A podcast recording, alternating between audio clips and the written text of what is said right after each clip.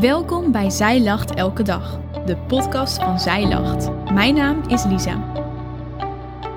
Dit is de overdenking van 10 juli door Belinda Bos. De Bijbel staat er vol mee. Liefde. Niet voor niets is de samenvatting van de tien geboden dat wij allereerst van God moeten houden, van onze naasten en van onszelf. Liefde kent ook meerdere vormen. Zo zal je je partner op een andere manier lief hebben dan dat je je ouders lief hebt. De manier waarop je iemand lief kan hebben of hoe iemand jou lief heeft, verschilt per persoon. Iedereen spreekt een eigen taal van de liefde. De vijf talen van de liefde zijn ontdekt door Gary Chapman. Misschien heb je er wel eens over gelezen. In zijn boek beschrijft hij vijf verschillende liefdestalen die mensen kunnen spreken. De ene taal spreek je misschien beter dan de andere. Misschien heb je er wel eens van gehoord. Het zijn de volgende. Positieve woorden, samen zijn, cadeaus geven, dienen en lichamelijk contact. Het is belangrijk om te weten welke taal of talen van liefde je naasten spreken. Houd jij van samen zijn, maar richt jouw partner zich vooral op cadeautjes, dan kan dat voor wrijving zorgen.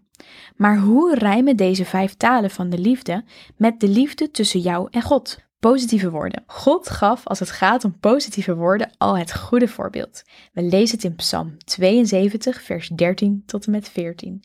Hij zorgt voor arme mensen en verdrukte mensen. Hij zal hen redden. Hij redt hen van de mensen die hun kwaad doen. Hun leven is kostbaar voor hem. Hierin straalt Gods liefde voor ons door in de vorm van positieve woorden. Hij geeft ons hoop. Hij geeft namelijk de hoop dat Hij ons zal redden. Een mooi voorbeeld van hoe Hij deze taal van liefde richting ons uit. Wij kunnen hetzelfde doen: Hem prijzen, aanbidden zingen, danken, Hem loven met alle positieve woorden die wij in ons hebben. Dit is een van de manieren om onze liefde voor God te uiten. Samen zijn. God is altijd bij ons, waar wij ook zijn of waar we ook heen gaan. Hij loopt naast ons en Hij draagt ons als we moe zijn. Oftewel, Hij is altijd met ons samen. Maar hebben wij dit ook door? En willen wij ook samen met God zijn?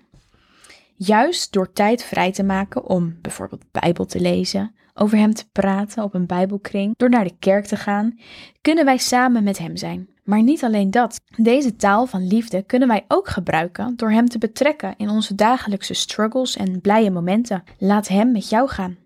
Hij wil bij jou zijn en tijd met jou doorbrengen. Betrek Hem bij je leven. Cadeaus geven. God gaf ons een groot cadeau, groter dan wij ooit kunnen geven zijn eigen zoon. Het was geen tijdelijk cadeau dat we uit kunnen pakken en in de kast kunnen zetten. Kijken we volgend jaar wel weer naar? Nee, zeker niet. Jezus leed voor ons om de weg naar God vrij te maken. Hij kwam op aarde en werd een mens. Hij leed de grootst denkbare pijn voor ons. En daar mogen wij dagelijks gebruik van maken. Zo'n groot cadeau, dat kunnen wij niet evenaren. Maar ook wij kunnen cadeaus aan God geven. We hoeven ze niet in te pakken, we hoeven er geen strik om te doen, maar we kunnen heel veel andere dingen aan God geven. Zo kunnen we onze tijd inzetten om onze naasten te helpen tot eer van Hem. We kunnen meewerken aan Zijn koninkrijk, of onze kinderen opvoeden in Zijn naam, of vult zelf maar in. Dienen. In een relatie is dit misschien wel heel zichtbaar, door voor elkaar te zorgen. Waar de een zorgt voor het eten op tafel, houdt de ander de deur open. Of misschien dien jij wel door het bad vol te laten lopen voor je geliefde. God dient ons ook. Door naast ons te staan, ons te ondersteunen. Door zijn liefde te tonen en door rechtvaardig te zijn. Maar hij vraagt ons ook om hem te dienen. Door ons te houden aan de tien geboden bijvoorbeeld. Of door voor elkaar te zorgen. En bovenal ook door hem op de eerste plaats te zetten. Lichamelijk contact. Lichamelijk contact is natuurlijk heel tastbaar in een relatie met je partner of met de mensen om je heen. Je slaat eens een arm om elkaar heen, je geeft elkaar een knuffel. Met God is dat anders. Het is minder tastbaar. Toch kun je God ook prijzen met jouw lichaam. Je kunt je handen naar Hem uitstrekken in aanbidding of je kunt voor Hem neerknielen. Zoals je vandaag hebt gezien, zijn er meerdere manieren om jouw liefde naar God te uiten. Denk eens na. Welke taal van de liefde spreek jij het liefst? En welke taal van de liefde ontvang jij het liefst?